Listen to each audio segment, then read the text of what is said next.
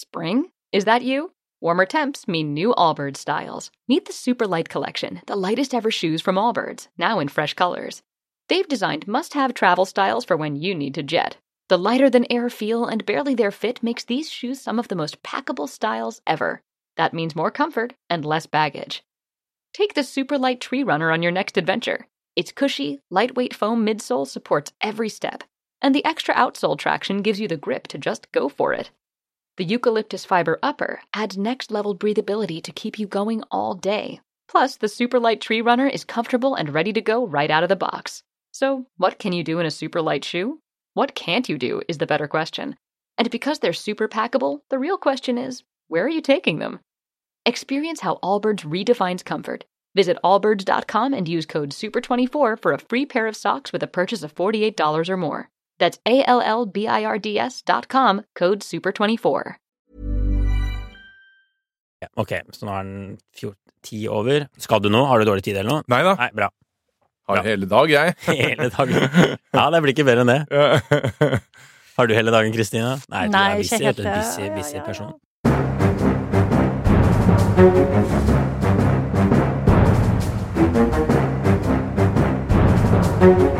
Da setter vi i gang med en ny episode Aftenpodden USA. Jeg, USA-korrespondent Øystein Langberg, er på plass i studio i Oslo. Det er du òg. Kommentator Kristina Pletten. Og så er det så gøy at vi har med oss Det er en av disse episodene hvor vi har med en til, og de burde vi sikkert ha flere av. ikke sant? Eh, Og i dag har vi med oss også Hans Høeg, som er gründer, investor, jeg har skrevet fersk forfatter, og en nordmann med en helt unik erfaring fra amerikansk eh, toppolitikk. Så jeg får si velkommen i studio. Jo, takk skal du ha. Glad for å være her. Ja, det er jo gøy. Både du og jeg er hjemme nå i i Norge på juleferie, for du bor jo egentlig i California til vanlig. Det stemmer. Hvordan er det å være i gamlelandet? Å, det er fint. Jeg prøver å komme meg hjem så ofte som mulig da. Eh, Jeg er alltid glad for å være her, og særlig når det er ribbetid og Ja. pinnekjøtttid. Ja. Og så er det deilig å komme seg tilbake til USA også, men, men, men grunnen til at du er her i dag, da, er at du har vært stabssjef for en vi får si, meget rebelsk amerikansk kongressrepresentant fra Kentucky i hele fem år. Eh, Og du har også skrevet en bok om det som heter Vår mann i Washington, som kom ut eh, i fjor, blir det nå, da, i 2022. Eh, Og det er mye å snakke om fra denne boken. Jeg og Kristina har begge lest litt i den. Det er utrolig mye fascinerende og interessant eh, der. Men vi får starte med deg. Altså, du er oppvokst i Norges beste by i Drammen, eh, men endte altså opp i USA, har bodd i USA i mange, mange år. Så du får si litt om hva som skjedde her på veien. Ja, det skal jeg gjøre. Ja, jeg, jeg er jo enig med den karakteristikken nå. Eh, Drammen er et, et flott sted. Det er ikke bare Norges største veikryss, eh, som de sa i min tid. Eh, men jeg Så pappa hadde faktisk gått på universitetet i USA. Han gikk faktisk på MIT, der jeg endte opp med å gå. Ja, Og I Massachusetts der. nettopp Ja. i Boston. Ja. Og han giftet seg med en amerikansk dame, eh, så jeg har amerikansk mor. Mm. Så når jeg vokste opp i Norge, da, så fikk jeg jo da USA inn med morsmelken. Da det var min tur til å studere, da, hadde jo, da var jo MIT det stedet jeg hadde hørt om. Vi hadde jo liksom ikke hørt om noe annet i Norge eh, sånn slutten av 80-åra, begynnelsen av 90-åra. Og, og så presterte jeg faktisk å komme inn, da, som var litt sånn mer eller mindre sjokkerende. Og da ble jeg fortalt at hvis du kommer inn der, så må du jo Da må du jo bare peise på og stille opp. Så jeg Ja. endte opp på MIT og, og grodde fast i USA med ulike gründermuligheter. Men eh, er jo ofte hjemme i Norge, selvfølgelig. Ja. Så, Og har en tilknytning der, men det har blitt mange år i USA nå. Altså, ja, det er det blitt. Eh, så jeg har vel eh, Det er vel blitt 30 år nå. Ja. Eh, så jeg er jo en eh, amerikaner også. Men norsken flyter fortsatt veldig godt. Da. Nok til å skrive en tjukk bok og til å snakke pod, og det er jo mange som blir litt sånn eh, Amerikansk. Yes, absolutt. ja, ja, det er godt å høre at jeg har unngått det, da, i hvert Ja, ja, veldig bra. Nei, men, men altså, det var altså på MIT, da du studerte der, at du møtte denne mannen, Thomas Massey, som, som denne boka handler ganske mye om, eh, og som du da senere skulle være stabssjef for i, i Kongressen.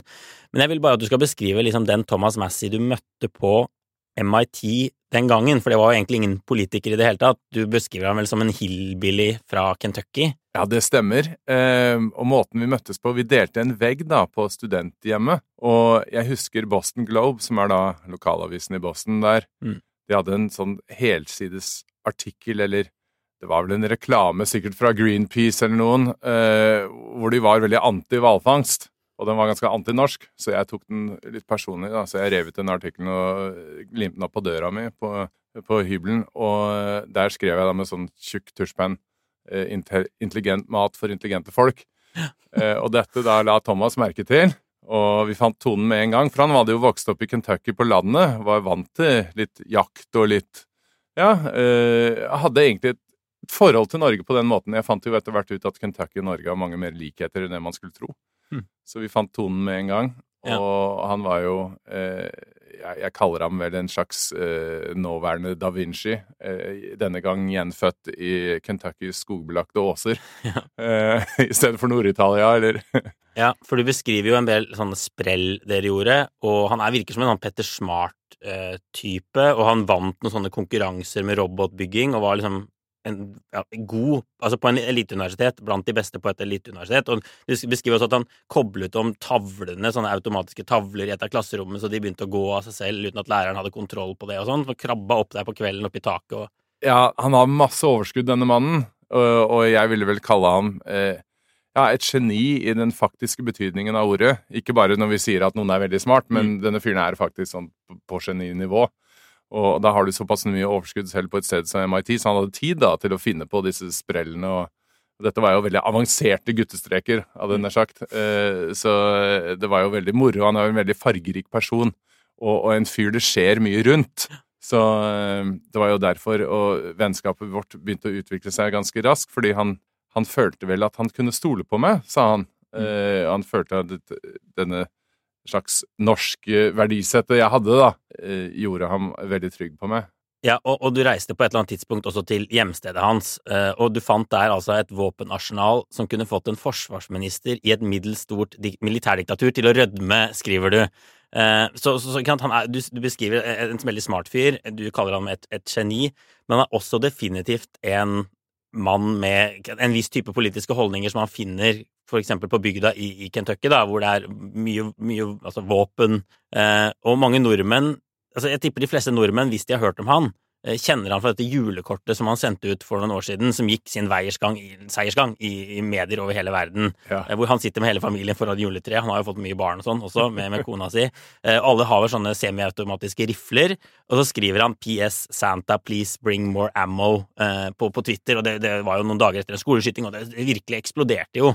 Eh, definitivt. Hva, Ja, jeg skjønner jo det er veldig vanskelig å, å, å forstå det julekortet, eh, og, og selv jeg hadde vanskeligheter for å, å svelge det kortet litt. Eh, jeg skjønner jo eh, rent politisk så er jo dette rødt kjøtt i valgkretsen hans, Mm. og det er jo mange som elsket det.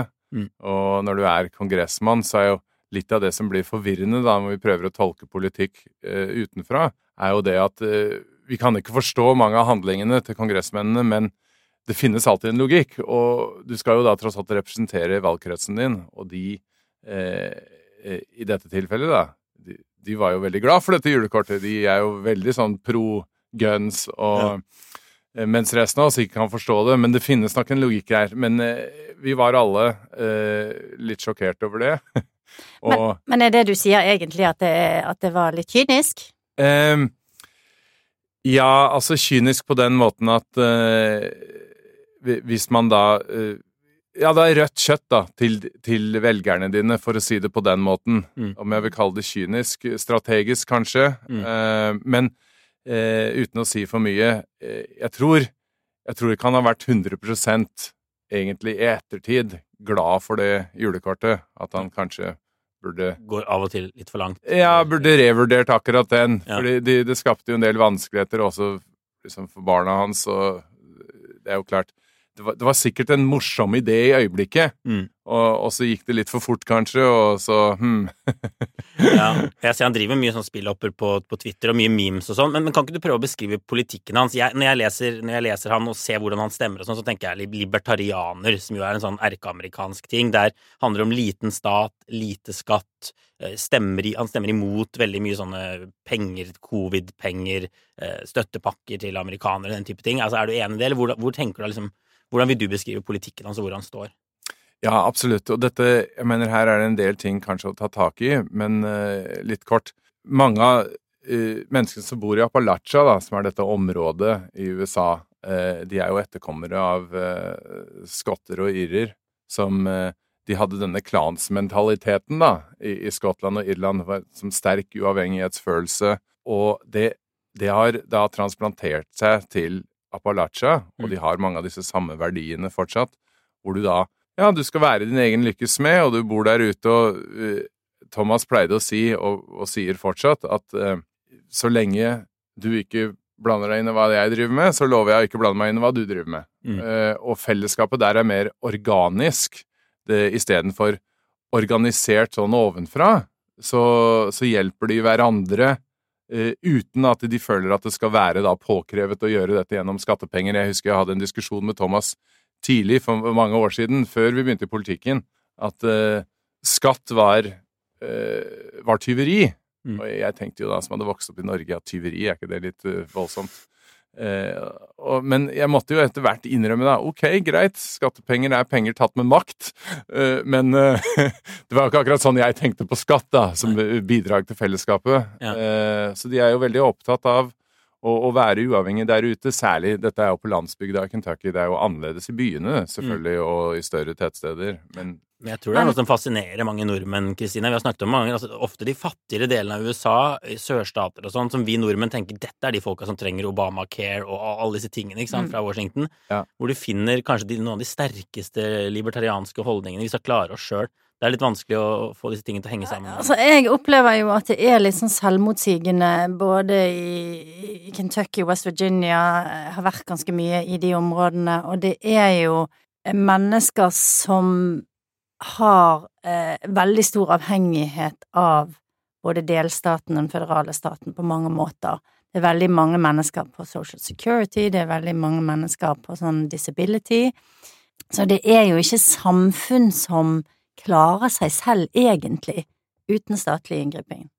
Det er et veldig interessant poeng, Kristina, og noe av det jeg også beskriver i boken. da. Jeg mener, eh, statistisk sett, i det området hvor Thomas bor, for eksempel, da er det vel 50% som er avhengig av offentlig støtte. Mm. Men det er blitt en sykdom, da, så nå er det så, det er så korrumpert, det er så korrupt nå, måten dette skjer, at det er faktisk De, de har jo metoder hvor man jobber på begge sider, både de føderalt og de statlige ansatte, og de som mottar disse bevilgningene, hvor det er kickbacks. Så Mm. den korrupsjonen du ser der med disse statlige og føderale midlene, er så eh, dypt forankret nå at det er mange som reagerer på den måten at den eneste måten å bli kvitt dette på, er å bare brenne helt alt ned til jorda og, og begynne forfra. Mm. Så man ikke lenger Så denne avhengigheten er delvis litt selskapt, eller det er som Reagan sa, da, et eh, Det nærmeste du kommer et evig liv, er et offentlig program, eller et offentlig tiltak. Eh, Men du har helt rett. Det er klart det er behov der nede. Vi får, vi får bare gå videre. Vi har jo egentlig bare så vidt kommet i gang med historien, egentlig. Altså, etter at du møtte Thomas Massey på MIT, så holdt dere kontakten. Du var blant annet forloveren hans. Du reiste jo ned til, til gården hans flere ganger. Og han, han jobbet som gründer, det gjorde du også. Han bygget seg et sånt hus og han, for å kunne leve off the grid, som det heter i USA. Altså en slags sånn selvbergingsmodus, lage egen strøm, egen mat, alt mulig sånt. Som han bygde fra scratch, i tillegg til disse selskapene. Da. Eh, Og så kom han seg etter hvert sånn halvveis inn i lokalpolitikk, og så bestemte han seg for å for å satse nasjonalt og prøve å sikre seg en plass i Kongressen. Og det var da han igjen tok kontakt med deg ikke sant? og ba deg om å være stabssjefen hans for dette prosjektet med å komme seg til Washington eh, DC. Ja, jeg husker jo dette så godt, for jeg hadde en liten startup da jeg var jo tech-gründer, Mm. eh, og det hadde Thomas også vært. Og så hadde han eh, viklet seg inn i politikken, da, og måten han beskrev det på, var sånn at eh, jeg var bikkja som løp etter bussen, og så endte jeg opp tilfeldigvis på bussen. Um, så han ringer meg opp en dag, og jeg husker fortsatt jeg var i, i Los Angeles den dagen, og så sier han Hans, jeg har, jeg har villet meg inn i Kongressen. Og jeg hadde fulgt med litt på valgkampen hans, da, så jeg var, jeg var ikke en sånn total overraskelse. Men så sier han og jeg trenger eh, Du må komme og bli stabssjefen min. Og jeg sier ja, men Thomas, jeg kan jo ikke fille om politikk. Så sier han ja, men det er jo nettopp derfor det må bli deg. Så blir det ikke som alle de andre feite kattene der i Washington. Og så sier han det er bare to mennesker jeg stoler på. Det er kona, og det er deg, og hun har fire barn. Så hun har jo ikke tid. Så det må jo bli deg, liksom. og eh, ja, og det var eh, tre måneder senere, da, etter at jeg liksom hadde nekta. Ja. Eh, så sto vi der da, foran den store kuppelen i, på Capitol Plaza, den, den vi ser i nyhetene, og eh, kikker opp på denne domen som og Thomas da eh, kommer med en metafor, en Star Wars-metafor, for vi er jo sånn Star Wars-fantaster, at han setter minner meg om dødsstjernen. Det er bestandig under oppussing, for det er det. Føderale bygg i Washington er bestandig under oppussing. Mm. Og nummer to, det ødelegger alt i sin vei. Vi sprenger andre land, og, så det var, ble en slags dødsstjernemetafor. da. Så målet hans var å finne eksossjakten og slippe noen bomber ned i den. Så Ja, dette var en liten litt, eh, Star Wars, ja, eh, litt rødt kjøtt til Star Wars-fans der ute. Men jeg lurer på, når jeg leser boken, eh, så eh, virker det som veldig mye kom ganske sånn bardus på deg. Du ble overrasket over mye av det du opplevde i Washington.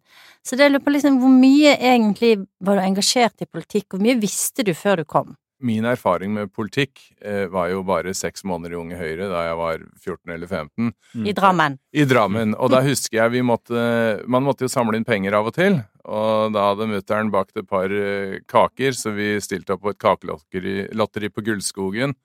Og jeg solgte liksom for harde penger. Og så ble disse midlene da, som jeg hadde greid å samle inn, de ble brukt bort en kveld på Lissys Pizza i Drammen da jeg var på håndballtrening. Og det var da min første omgang med korrupsjon Ja, ja, ja. eh, i politikken. Eh, Men det var eh, alt jeg egentlig kunne om politikk. Jeg, hadde jo, jeg leste jo samvittighetsfullt New York Times og Economist og trodde jeg visste noe som helst om hva som foregikk, og det fant Mm. jeg jo fort ut, da, at nei, her, Selv om du leser de store tidsskriftene, så får du ikke egentlig med deg For de, de får ikke nødvendigvis med seg hva som skjer da midt på natten. Ja. Ja. midt på natten når lyset er slått av og ingen Ja. er til stede. For holdningen, altså Du beskriver jo to veldig sånn grønne typer som kommer til Washington, ikke har så mye sånn politisk erfaring med Washington. eh, og, og, og hvis dere ikke får gjennomslag for politikken, skal dere i hvert fall lage et sabla leven. Ja, akkurat. liksom, liksom sånn holdningen virker det som. Og, og så beskriver du da i boka, ikke sant? vi skal komme inn på liksom de detaljene her, men du beskriver et, et pill råttent, korrupt system, og så skriver du det er ikke korrupsjon som i på en måte, tredje verden, men det er en annen type råttenhet og korrupsjon. Så kan ikke du bare først litt sånn overordna om hva du mener med det? Du har jo vært toucha inn på det. Ja, absolutt. Eh, Og dette var jo noe vi da lærte over tid. Jeg mener i boken, så denne Boken er egentlig en slags oppdagelsesferd, da, hvor jeg tar leseren med på denne ferden samtidig som vi opplevde og disse tingene ble avdekket for oss.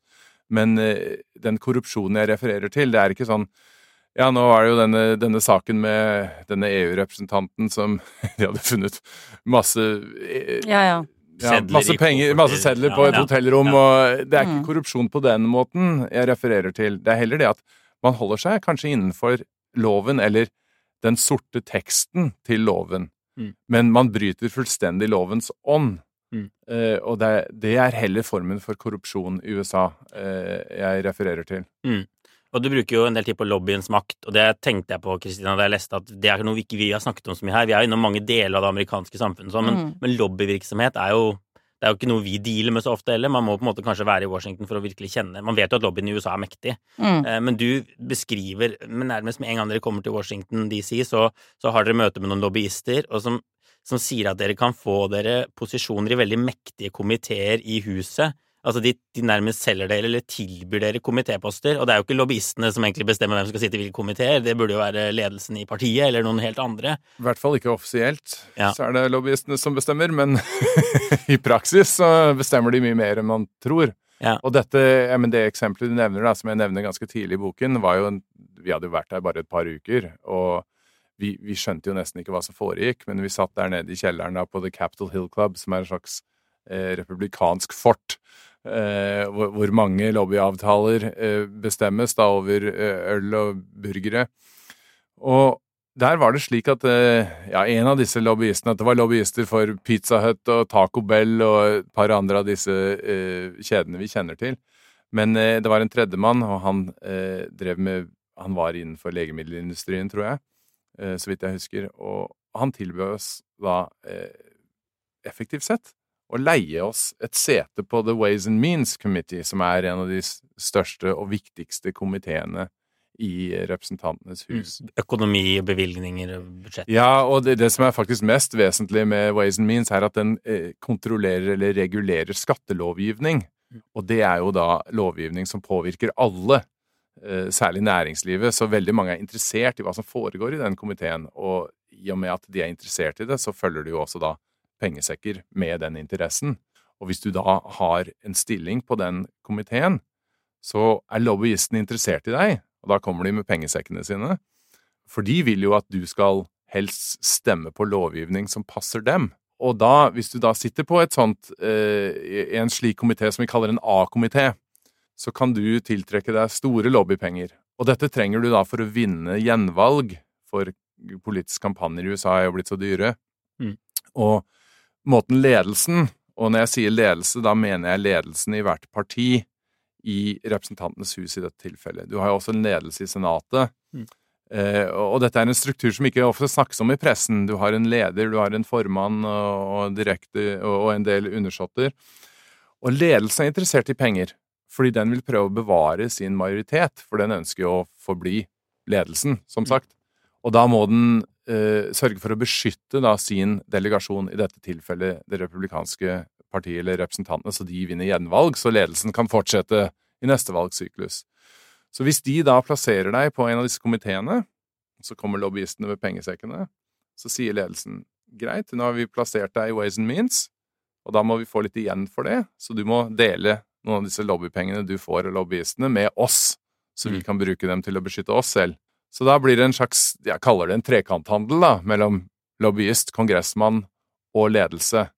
Og dette er jo helt uoffisielt. Mm. Fordi dette er, det er jo strengt ulovlig å drive på denne måten. eh, Men dette har foregått i lang tid, og bare så det er klart, dette foregår, foregår også på demokratisk side. Det er ikke noe sånn eh, Så det var jo noe av det, det første vi opplevde da, hvor sjokkerende det var, at disse setene da i praksis er til, er til salgs eller utleie.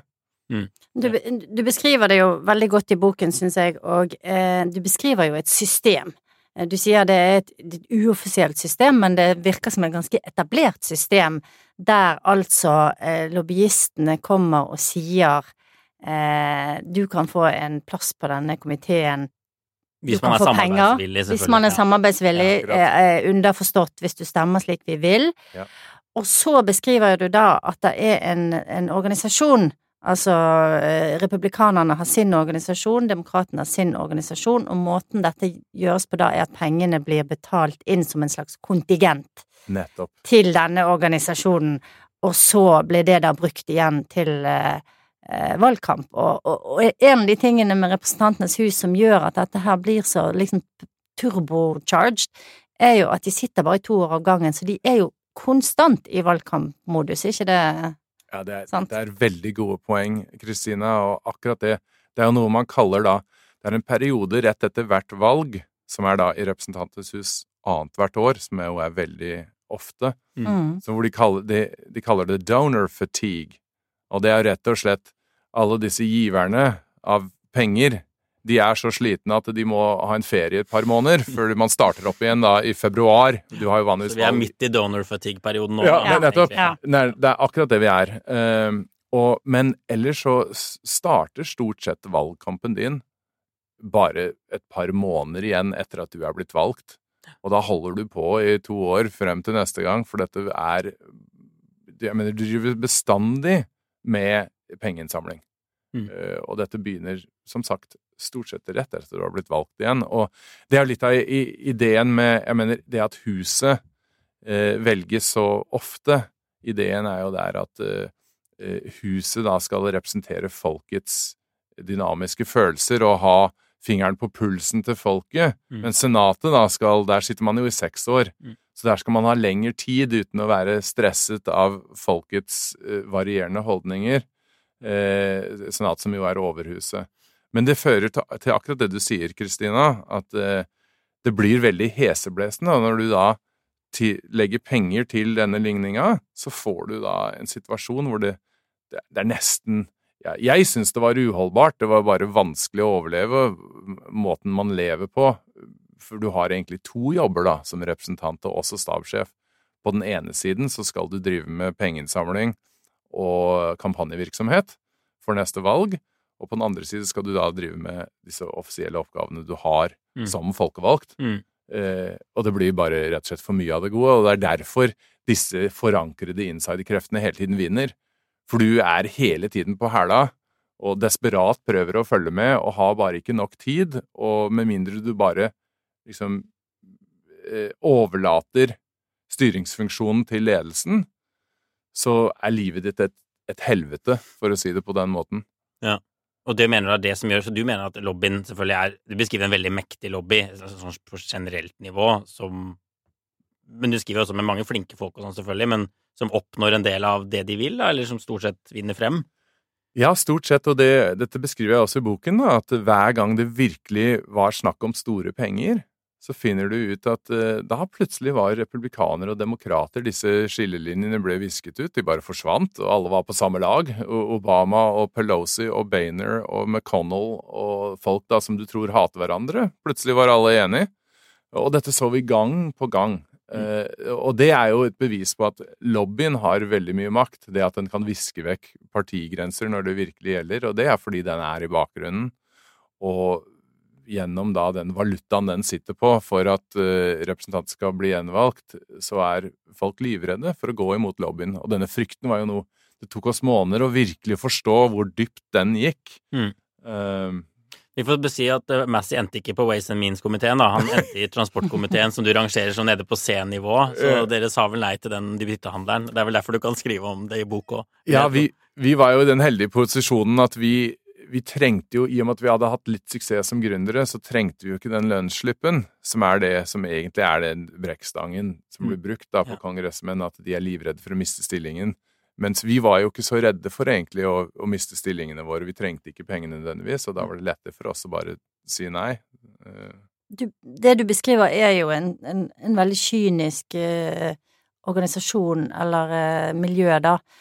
Ha, har du inntrykk av at den jevne kongressmann likevel er en slags idealist? Tror de på det de jobber for, eller er dette et yrke som alle andre, der man, det bare handler om politisk overlevelse?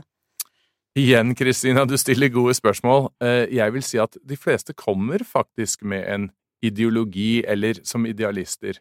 De har håp og ideer om å få til ting, og den energien du opplever når du først ankommer, og eh, Det er litt som å være da eh, ny student. Mm. De, de, bruker jo disse samme uttrykkene, freshman og sophomore og mm. Massey tvitret faktisk her om dagen et sånt, uh, et sånt bilde av den pinsen man får, og så skriver man det er som når han Smigol eller Gollum får liksom første ringen første gangen, så er han jo en vanlig menneske. Men etter to år så er han liksom full Gollum, My Precious, og alt er liksom virkelig rakna. Veldig morsomt hvor ja, fælt ting raskt blir, da. Men ja, idealister i det det kommer der første gangen. Akkurat, og denne pinsen da, som du refererer til, Øystein, det er akkurat vi fant det ut etter hvert. Vi begynte å kalle den My Precious. Ja. Eh, etter Ringenes herre. For vi fant det ut at hvis Thomas gikk med den, så oppførte folk seg annerledes. Da var han som en liten småkonge som gikk rundt på campus. Og vi likte ikke egentlig det, eh, fordi vi følte at da var folk mindre ekte og ærlige med oss. Så han begynte å gå med denne pinsen i lomma da, og bare dro den frem hver gang vi virkelig trengte bord på en fin restaurant. Eller, eh, men det, den pinsen er en slags, eh, et symbol da, på hva vi begynte å kalle en zombifiseringsprosess.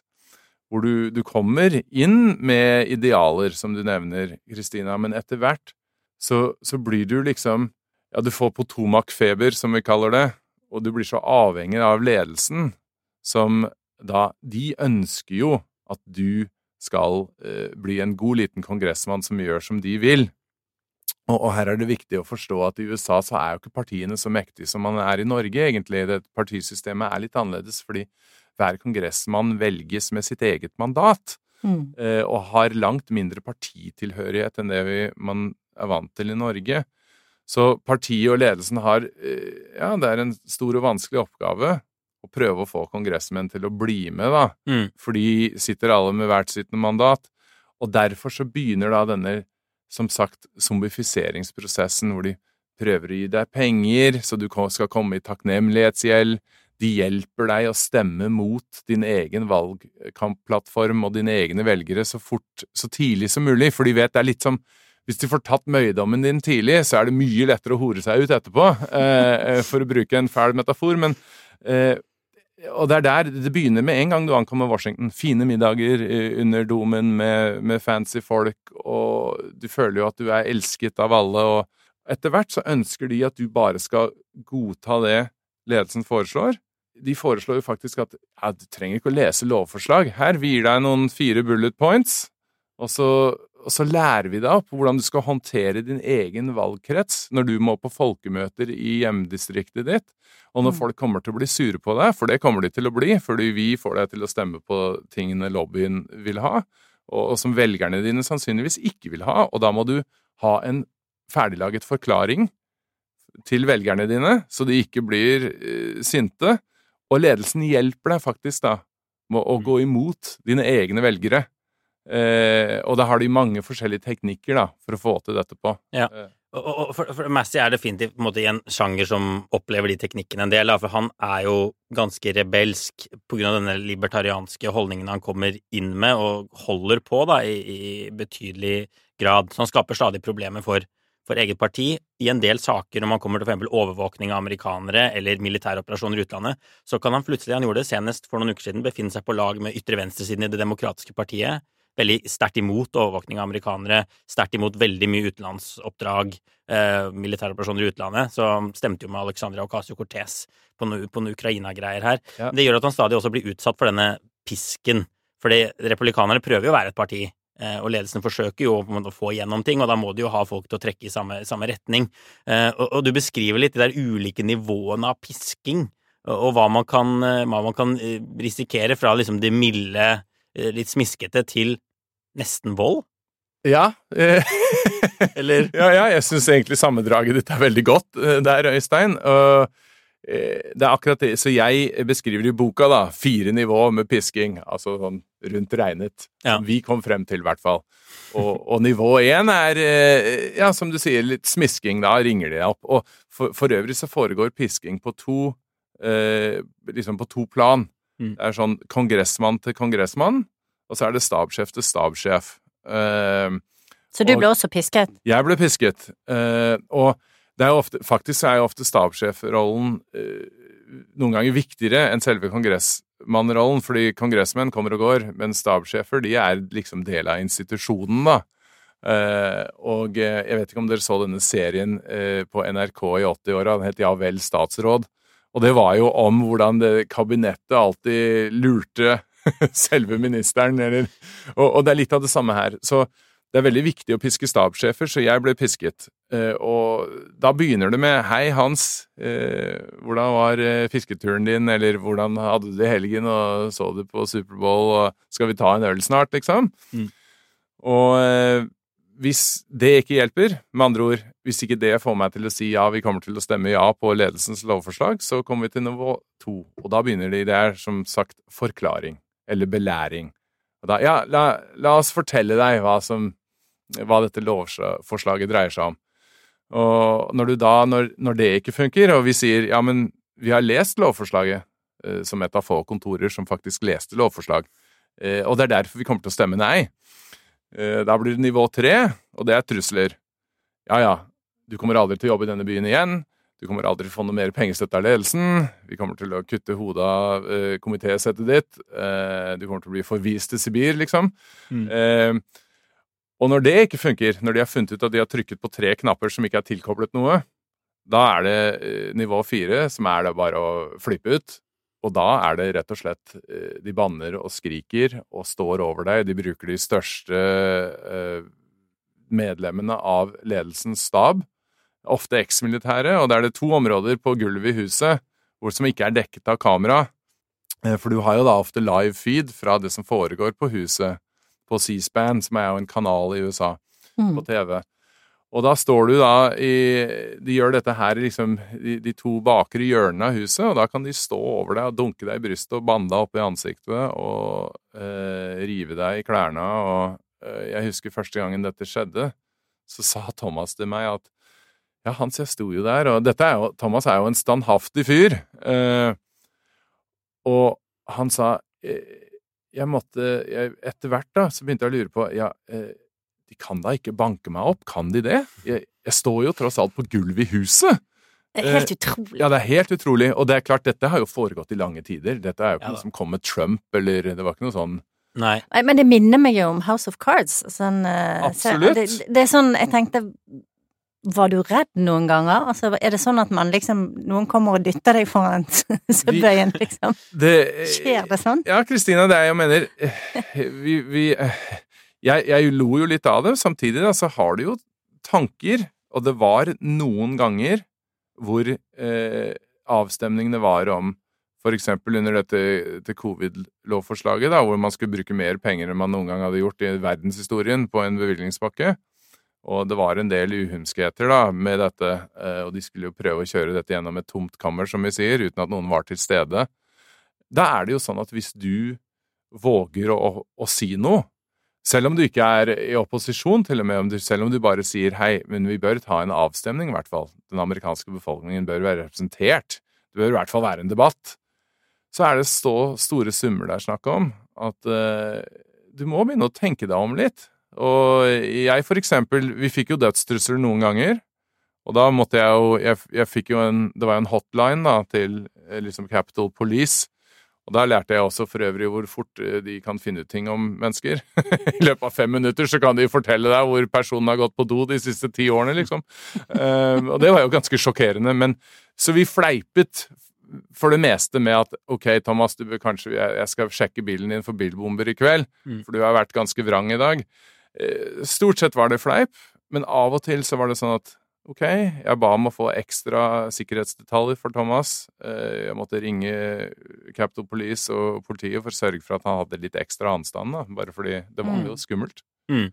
Men vi må spørre, altså, Massey er jo en som stadig er på kant med eget parti også. Eh, og han er jo sånn som nå har stemt imot Ukraina-penger en del ganger. Uh, gi penger til Ukraina. Han, han, er jo veldig sånn Noen vil jo kalle han isolasjonist. Ja. Han var også stemt imot å uttrykke støtte til svensk og finsk Nato-medlemskap, for eksempel.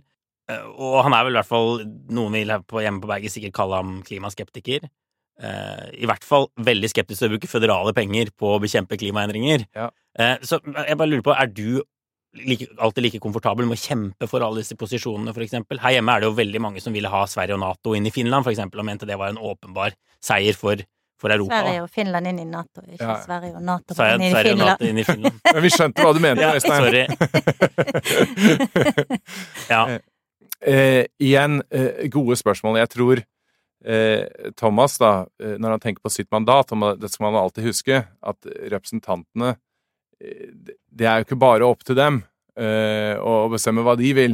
De skal jo tross alt også da representere valgkretsen sin, og dette, blir noen gang, dette går tapt noen ganger når man leser i avisen og man glemmer at ja, ja, hvis du har fått 1000 telefoner en dag, som vi fikk faktisk av og til, hvor folk har veldig sterke meninger om at du må gjøre sånn og ikke sånn, så må du klart du, du, må jo legge merke til det, mm. og du må jo ta høyde for det. Hva eh, dine velgere ønsker seg, fordi du skal jo tross alt representere dem. Mm.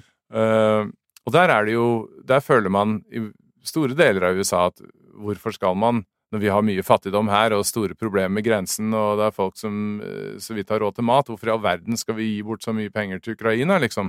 Mm. Og, og, det er jo for så vidt Man kan forstå det, særlig, og jeg i, i, min stab, da, den delen av staben som var i Kentucky, da var det ingen i Kentucky-staben som har vært utenfor USA.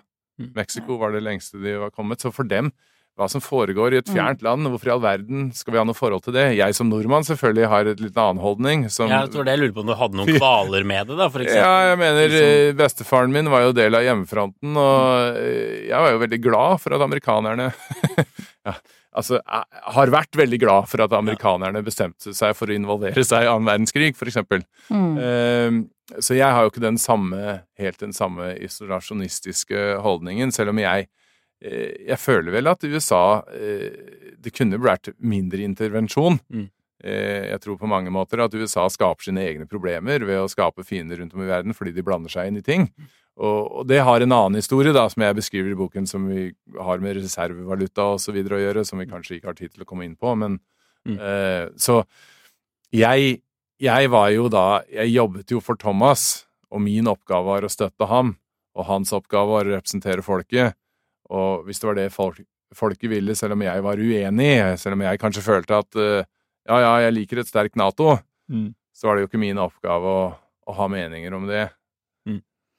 Men jeg, jeg, tenker jo faktisk at um, sannsynligvis så vil den der trenden forsterke seg fremover. Og jeg tror det handler om, akkurat sånn som du sier, at det handler litt om, om dine personlige bindinger også. Du har eh, vært oppvokst i Norge, eh, du har eh, en far som er norsk. Men du, du nevnte jo dette med irer og skotter som kanskje kom for 400 år siden, har aldri truffet noen slektninger i Europa, har ikke noe forhold til det lenger. Altså, de båndene er for lengst gone.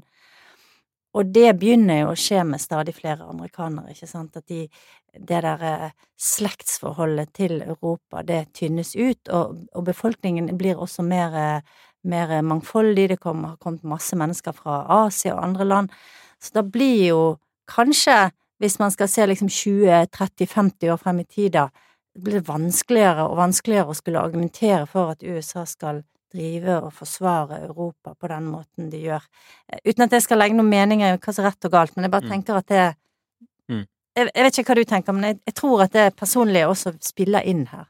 Ja, absolutt, Kristine. Dette er veldig gode poeng du kommer med. Uh, og eh, jeg, jeg hadde jo diskusjoner da, med Thomas om Det er jo klart, det er jo et spørsmål hvis vi snakker om forsvar og Nato da, i denne sammenhengen eh, hvor forsvar begynner og slutter, liksom. Ja, eh, skal du forsvare deg først når, eh, når cruisemissilen eh, krysser landegrensen din, eller skal du kanskje prøve å gjøre noe mer proaktivt og preventivt? og Kanskje liksom eh, kutte hodet av Putin i mørket eh, en kveld.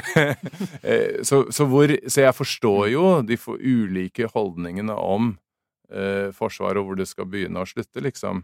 Men jeg tror Thomas og den gruppen hans, og folk som tenker som han, de føler jo at USA er seg selv nok, liksom, og de er, jo beskyttet av to hav, de ligger godt geografisk an. Mm. Hvorfor trenger vi egentlig å være så involvert i andre land? Mens jeg ser det som ja, men det kan hende å ha et sterkt Europa også er en form for forsvar for USA, ikke sant? Og, og det ser de langt mindre enn mm. det for eksempel vi som er i Norge, mm. hvordan vi føler det, da. Ja.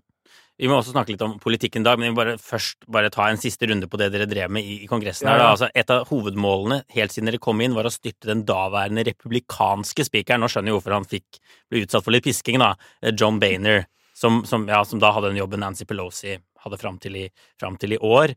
Um, og det klarer det til slutt etter mye om og men, men kan du ikke si litt om hvorfor det var så viktig, hvorfor kom, dere kom inn i Kongressen hvor et av hovedmålene er å ta deres eget partis speaker og bli kvitt han, og, og litt hvordan, hvordan, det gikk? Det gikk jo til slutt. Ja, det er jo dette som er temaet i boken, da. Er jo. Det er jo en slags eh, kriminalroman fra virkeligheten, egentlig, hvor offeret er det amerikanske demokratiet. Men eh, vi hadde jo da Kanskje jeg begynner bare et par måneder før dette kuppforsøket vårt, som faktisk i dag er akkurat ti år siden i dag, at mm. vi, vi prøvde å avsette Bainer den første dagen av den nye kongressen. Og jeg hadde jo nettopp landet, og uh, Thomas hadde da vært del av et uh, nattlig komplott. Hvor de hadde fått uh, eh, 20 avhoppere til å skrive sine navn i blod, og det skulle virkelig skje ting den dagen. Og jeg hadde, ikke, jeg hadde jo kommet med fly Eh, den samme natten og hadde ikke vært med på denne planleggingen. og Plutselig så henter han meg da i bilen sin, en sånn eh, en, en Mustang muskelbil, og sier Hans jeg har planer om å liksom styrte Kongressen på dag én. Og jeg bare wow, i all verden. Eh, vi hadde jo da hatt Bainer som speaker i huset, så har du mye makt, og en av dine det, En av dine oppgaver, som er uoffisiell, er at du reiser rundt i USA og samler inn penger mm. Eh, for partiet og for kandidater, fordi du har et stort navn, og eh, du er et stort trekkplaster. Og han hadde gjort dette for oss. Vi hadde hatt en pengeinnsamling eh, noen måneder før, og da hadde Thomas sagt hans vi må gringe til oss så mye penger vi kan, eh, for dette er vårt ene øyeblikk med Bainer. For så fort ledelsen og etablissementet i det republikanske partiet finner ut hvem vi egentlig er, så, så, blir det ikke en dollar til, liksom. Eh, så, men jeg må jo innrømme da at eh, Bainer som person, han var ganske sjarmerende, og han i sin tid da hadde jo vært en oppvigler. Mm. Uh, og blitt da kanskje, som vi sa tidligere, zombifisert. Uh, men jeg skjønte jo ikke egentlig hvorfor Thomas var så innbitt på å prøve å liksom kappe hodet av ham første dagen. Jeg innså jo senere da at disse spikeravstemningene, de kommer ikke så ofte. Det er jo bare annethvert år. Så du har ikke så veldig mange muligheter til kupp. Mm. Med mindre du skal organisere en eh, organisk gatekamp, da, eh, hvor, du prøver å kaste fyren. Eh, så jeg, følte, jeg tror at Thomas egentlig kanskje så ønsket han å vente i seks måneder før vi prøvde på dette, men muligheten var jo på dag én. Ja. Så han prøvde å kaste Bainer, for han følte at Bainer var selve symbolet på etablissementet, kjøpt og betalt av lobbyen, gjorde som Washington ville, og ikke som velgerne eh, ønsker, og ikke egentlig representativt for den amerikanske befolkningen, men heller for særinteressene i Washington. Mm. Og da ble det jo eh, Vår kamp i Washington ble jo da kampen mot disse etablerte kreftene, som da ga seg utslag i at vi prøvde stadig vekk ja. og avsette spikeren i huset. og, og, hvordan det gikk, det kan du lese om. Men... Ja, det kan du lese om. Han ble jo godt til slutt, og dette første kuppforsøket gikk jo ikke, ikke sant. Så noen av de som hadde lovet dagen før de skulle stemme mot han, de, de var ikke til stede under avstemningen først. Ja, de gjemte seg jo bokstavelig talt i garderoben. Eller de stemte for han til slutt. Ja. ja. Nei, men sant, sant. Jeg syns vi skal snakke litt om dagens amerikanske politikk. Nå har det jo vært ute en stund, men du har jo tekstet med Thomas Massey, så vidt jeg skjønner, senest i dag, så, eller i går, så, det, så, dere har jo veldig tett kontakt fortsatt. Så du har noen, eh, noen tråder inn i toppolitikken. Og i boka så beskriver du blant annet eh, at dere hadde en del med Ron DeSantis å gjøre, som jo den gangen var en veldig ukjent kongressmann, i hvert fall for nordmenn. Det var lenge før han hadde bestemt seg for å bli Florida-guvernør og den type ting. Men nå seiler jo opp en sånn potensielt veldig stor kamp med Trump og, og DeSantis. Først kan du kanskje si litt om, om forholdet ditt til Trump, da, og om Assis forhold til Trump. Ja, vi var jo Vi husker jo Jeg husker jo i, eh, i begynnelsen av 2016. Da hadde Thomas og jeg regnet oss frem til Vi, var jo, vi er jo ingeniørnerder, så vi liker tall. Og vi hadde da ekstrapolert at Trump kom til å vinne.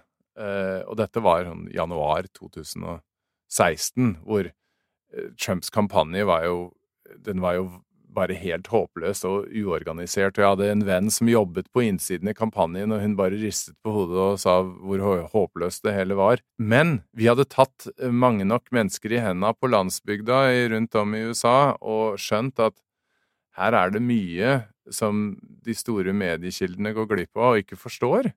Så vi faktisk spådde at han kom til å vinne Trump, og vi ble jo ledd av.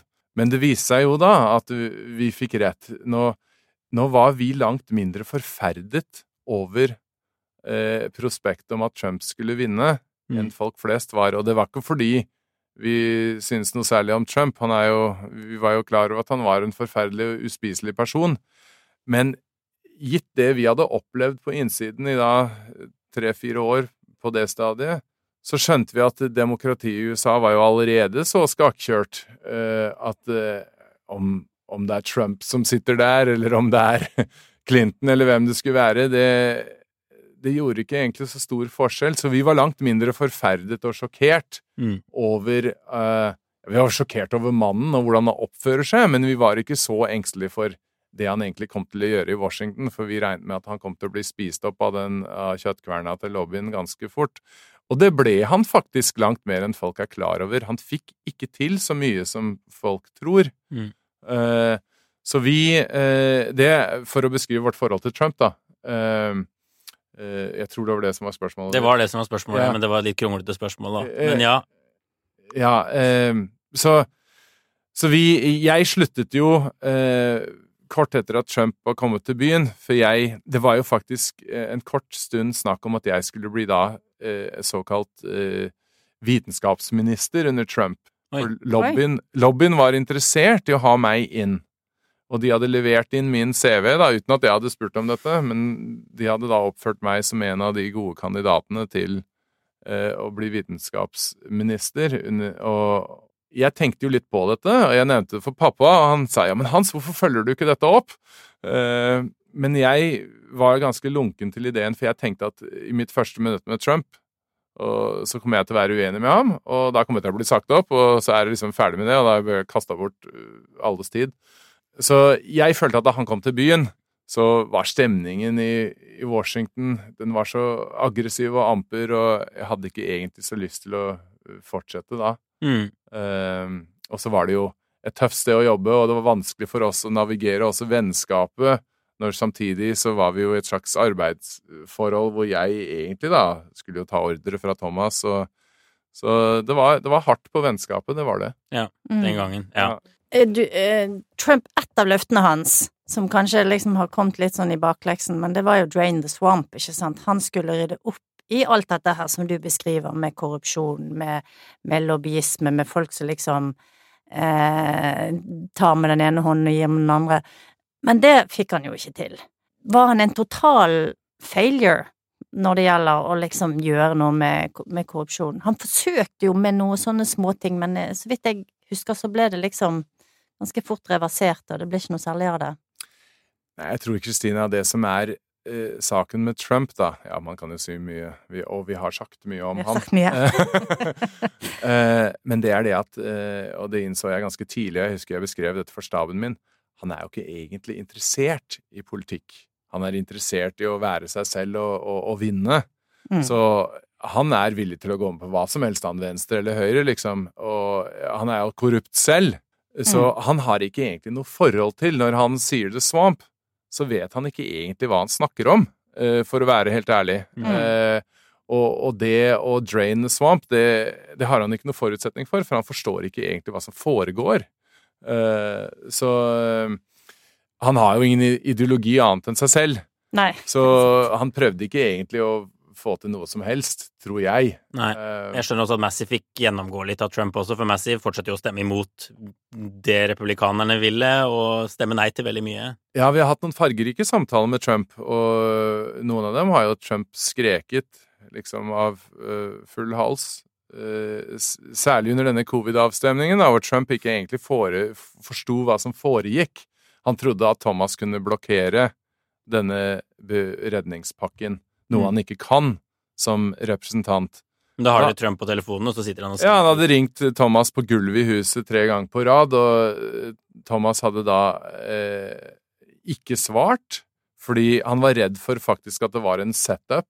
For vi hadde jo blitt såpass kyniske da, at vi er redde for at kanskje nå ringer Det hvite hus. Du har ikke egentlig lov å ta telefonen på gulvet i huset heller. Mm. Men han var redd for at denne telefonen var tatt, så han måtte da eh, Hvis han da forlot gulvet, så kunne de prøve å kjøre igjennom Mm. eh, noe mens han ikke var der. For dette var vi jo blitt vant til, at du må jo følge med på gulvet 24-7 hele tiden, ellers så prøver de å lure noe igjennom når du ikke er til stede. Så eh, da han så at kysten var klar, og at det var trygt å eh, liksom gå ut i, i speakerlobbyen og, og ringe tilbake da, dette tapte anropet, så, så fikk han jo ja, 'Please hold for the president', som han da hadde regnet med. Han hadde på følelsen at det var Det hvite hus som hadde ringt, selv om det ikke var noe nummer. Og da hadde jo Trump kommet til telefonen og, og skreket av full hals og 'Massey, jeg skal ta deg, jeg skal ta deg på en måte du aldri har vært tatt før'. Og eh, litt den, da. Men det, det er også fordi ja, Trump er som han er, men også fordi han ikke forsto at eh, Thomas hadde jo ikke noe evne til faktisk å blokkere noe, men han hadde jo evne til å, å tvinge folk til å stemme offentlig Mm. noe han syntes var jeg mener, Det er jo del av demokratiet. Vi skal ha en demokratisk prosess. Folk skal, Befolkningen skal vite hva som foregår. Det var det eneste han ønsket. Om han er enig eller uenig i redningspakken, var noe, var noe helt annet. Men Mm. han endte jo opp da med å bli USAs mest forhatte mann, i hvert fall en stund. Og Trump gikk jo ut og sa han skulle melde, burde melde ham ut av partiet, og det er jo bare fordi Trump er uvitende. Og, og, og dum, rett og slett, og ikke skjønner hva som foregikk. Det, det, dette handlet vel om covid-regler, om hvorvidt man skulle stemme der inne i salen, eller Nettopp! Nettopp. fjernstemme og disse type ting. Men, men, men dere hadde så deala litt med DeSantis, og nå seiler det opp en potensiell kamp mellom Trump og, og DeSantis. Eh, og, og han blir veldig haussa opp nå i amerikanske medier, mens noen mener at det er litt overdrevet, at, at DeSantis egentlig er, mangler litt karisma, da. Eh, og litt sjarm, og at han vil virkelig få kjørt seg når han står på en scene mot Trump og egentlig vil bli bare valsa over en gang til. Så jeg lurer litt på hva du, hva du tror, og så du en fremtidig president da du møtte DeSantis første gang?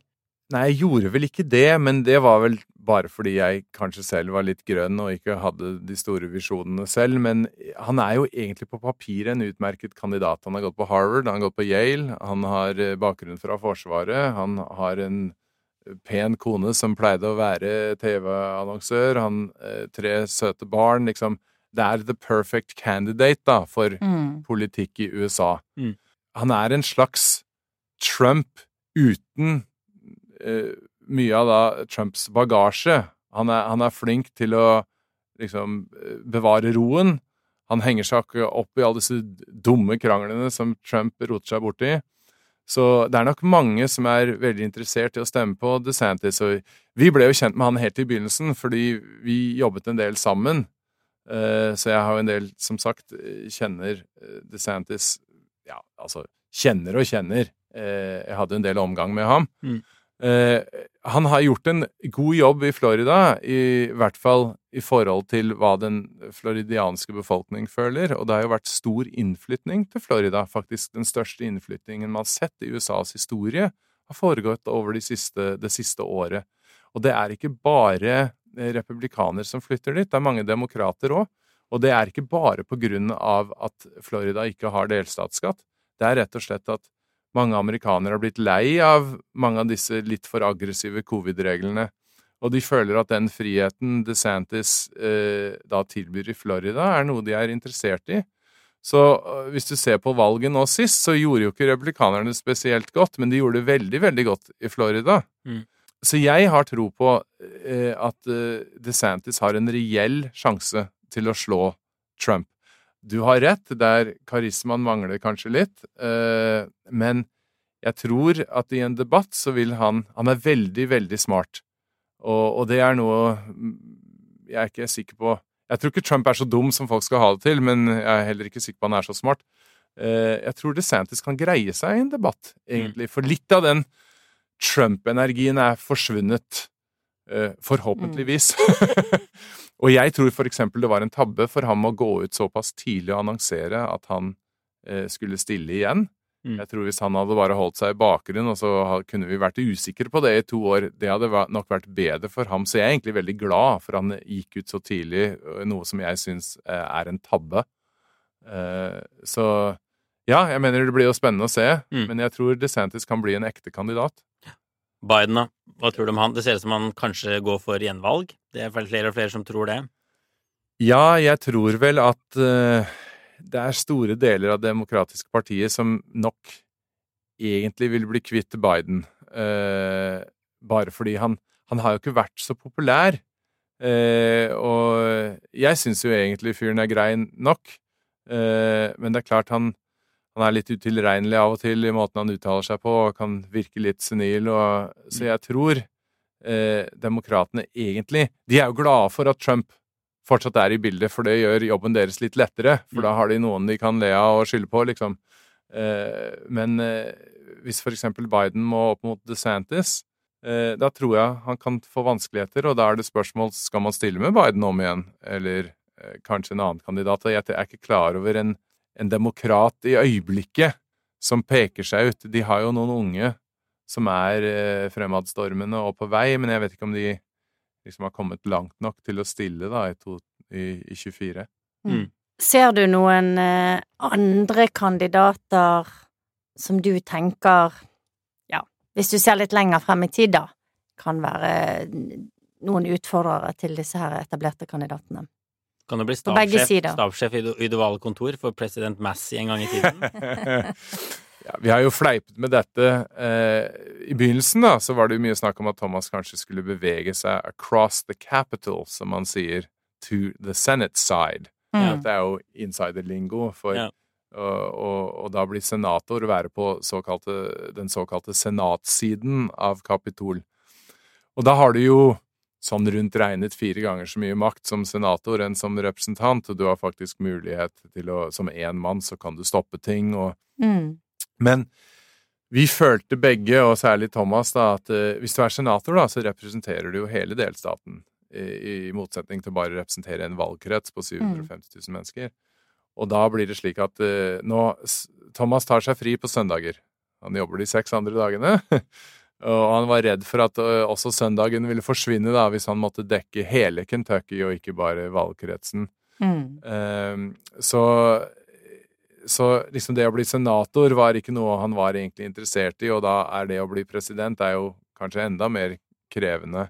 Mm. Uh, så selv om vi har fleipet med ham om det, og selv om jeg tror uh, han kunne nok bidra til en uh, til å holde valgkampen, da, presidentkampen, ærlig. Jeg, jeg, tror han ville bli en vanskelig kandidat da, å, å, eh, debattere mot. Og på mange måter så er jo det Thomas nå bringer Vi fant jo ut at vi kan jo ikke få til noe Men det vi, det vi kan få til, er å få sollyset inn i rommet, og det tvinger andre kandidater til å oppføre seg bedre da, og være, ha en mer ærlig omgang med befolkningen. Og på den måten, da, hvis Thomas skulle stille som president, så tror jeg, kandidat, så tror jeg du kan Han vil påvirke valgkampen, da, gjøre det til en mer ærlig valgkamp på en måte. At man da uh, har diskusjoner om emner på en litt mer rett frem måte. Mm. Han er jo blitt et slags sollys, han i huset, på den måten. Men, men hva har Messi egentlig gjort for å kjempe mot korrupsjon, for å gjøre denne her pengekarusellen mindre giftig? Har han for eksempel eh, kjørt frem Campaign Finance Reform, han støtter han det? Altså, for det å bare være en sånn rebell som stemmer imot, eh, har jo kanskje ikke noen så mye effekt, da, så, så jeg ser ikke helt hvordan måten hans tilnærming er, skal gjøre det amerikanske valgsystemet noe bedre? Nei, jeg tror eh, For det første, da, eh, så tror jeg det er umulig å få pengene ut av amerikansk eh, politikk. Eh, jeg tror ikke Vi har tenkt på mange metoder, inkludert lovgivning. Men eh, det er så gjennomsyret nå at eksempel i USA så er det jo slik med ytringsfriheten at du kan ansette hvem du vil til å tale for deg. Uh, og, og, måten det fungerer på, da, er at det, det, kommer til å bli Pengene som du da prøver å gjøre ulovlig, det kommer bare til å gå under jorda, tror jeg. Så måten Thomas har drevet sin kamp på, er jo da å, å snakke åpent om ting. Og, og, fortelle hva som skjer fra innsiden. Det er jo litt av målet mitt med denne boken òg. Jeg husker vi var stolte av at vi var nummer tre fra bunn av 535 folkevalgte i Eh, Kongressen så var vi jo nummer tre fra bunn når det gjaldt å samle inn penger. Vi har ikke tatt imot penger fra lobbyen særlig mye annet enn Du kan jo ta imot noe penger om de tingene du er enig om, men sa at vi ikke skulle være kjøpt og betalt. Og så har han da prøvd å, eh, som sagt, tvinge frem avstemninger hvor Og dette beskriver jeg i boken, da. Man vil helst ta avstemninger i Kongressen bak lukkede dører uten at noen vet at det foregår. Og så vil man helst ikke bokføre avstemningen, fordi representantene vil helst ikke stå til rette for hvordan de stemmer, for da kommer de i konflikt mellom lobbyen og sine egne velgere. Og det Thomas har gjort, og helt siden vi kom dit, er at han insisterer jo på at man skal ha bokførte voteringer. Og dette presser representanter da, til å måtte stemme. De, du har jo ikke lov til på Stortinget i Norge. Du må jo stemme ja eller nei.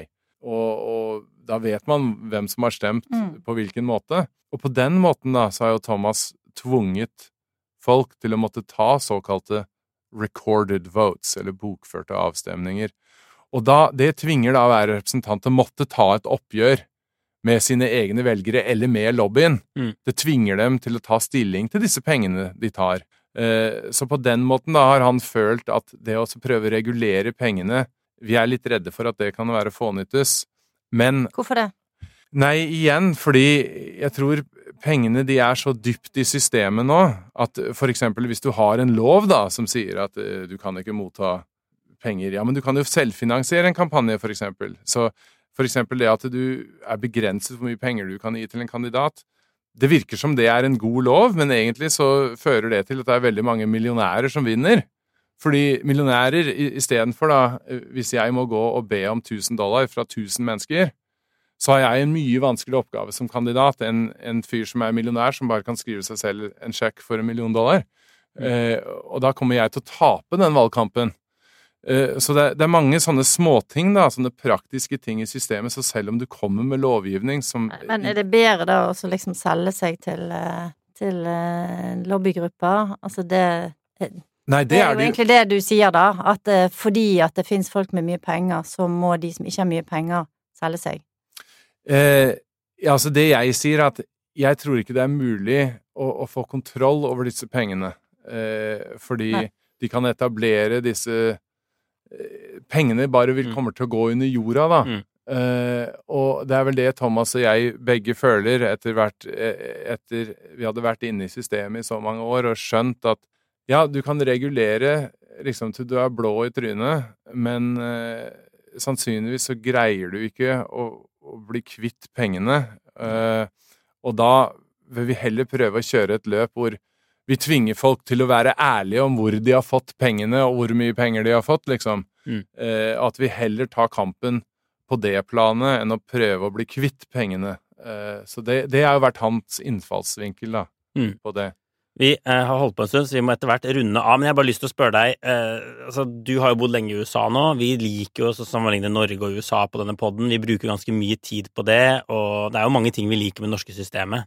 Det er jo ofte det vi ender opp med å konkludere, og det er mye som er galt i USA, ikke sant. Men jeg lurer på sånn Sånn som du ser ting nå, altså er det noe USA er desidert mye bedre enn Norge på, som Norge kan lære av dette landet på andre siden av Atlanterhavet? Oi, du verden. Ja, det er jo et stort spørsmål. Det er et veldig stort spørsmål. Men eh, Du kan velge én ting, da. Ja, det jeg kanskje vil kan si, da, og, og om vi har noe å lære Ja, eh, jeg tror kanskje det som er verdifullt for nordmenn å innse, er at eh, USA er jo ikke egentlig et land. Mm. Å trekke sammenligninger mellom Norge og USA, det, det blir litt feil. Vi, jeg mener, jeg bruker i boken da en analogi heller med EU, Mm. for det er på ca. lignende størrelse. Og, og vi er jo ikke medlem av EU som nordmenn, Mm. fordi vi har vært redde for, to ganger i hvert fall under folkeavstemninger, Mm. for at Brussel skulle da fortelle oss hva vi kunne gjøre og ikke gjøre i våre egne farvann. Og den dynamikken der, den er, minner veldig om amerikaneres forhold til Washington. At de føler at sentralstyret, over 330 millioner mennesker, det bare Det går ikke. Liksom, du kommer til å få kinesiske tilstander. Mm. Enten så blir det totalitært eller totalt korrupt. Så da må man heller delegere eh, avgjørelser til delstatene, og de skal jo egentlig være for det meste uavhengig, litt som i EU, da. Mm.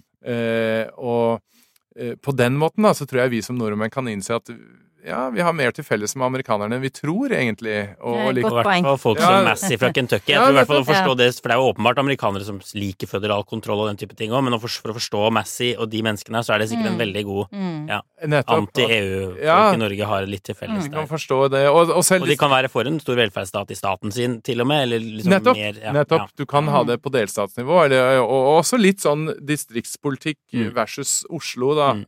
Litt av det samme, da. Ja. Eh, Så. Det er en morsom, et morsomt poeng på slutten, og så har vi en fast øh, spalte med obligatorisk refleksjon. Og Jeg tror jeg og Kristina kan hoppe over denne uka her, for vi må liksom reflektere hver uke. Men hvis du har til slutt, før vi runder av helt av en sånn eh, anbefaling av bok, en film, en restaurant, et eller annet, så vil vi gjerne bare høre det. Du har ikke lov til å si din egen bok. Nei, nettopp. ja, jeg, jeg kan ta en bok. Eh, Jeg, I og med at min bok er en slags røverhistorie fra virkeligheten, så da jeg gikk på MIT, så var det faktisk en, eh, en gruppe uh, som hadde et system for å slå Las Vegas i gambling. Oi. Og dette er jo sånne superhjerner da, som hadde funnet ut et matematisk system, hvordan de skulle greie å, å, å ta Vegas, og det Poker eller alle mulige spill. Ja, det var blackjack Ja. spesielt. Mm. Fordi blackjack har, er et spill hvor du kan regne sannsynlighet. Ja. Eh, hvor, det som har skjedd før i stokken, påvirker det som kommer til å skje. Og det var som hele nøkkelen til dette plottet deres, da. Og da var det faktisk noen, av de, noen jeg, folk jeg kjenner faktisk i min tid på MIT, de reiste til Vegas hver helg, og da hadde de faktisk teipet svære bunker med dollarsedler til innsiden av låret og, og slike ting for å komme seg gjennom sikkerhetskontrollen på flyplassen, da, som jo var litt lavere den gangen. Og de tjente millioner av dollar i Vegas. Og det er en fantastisk historie fra virkeligheten som eh, den involverer alt, eh, inkludert eh, ja, skumle ting. Det er jo etter hvert som kasinoene begynner å skjønne hva som skjer, Mm. så setter de jo da sine sterkeste menn på saken, og Men det er jo ikke ulovlig, er det det?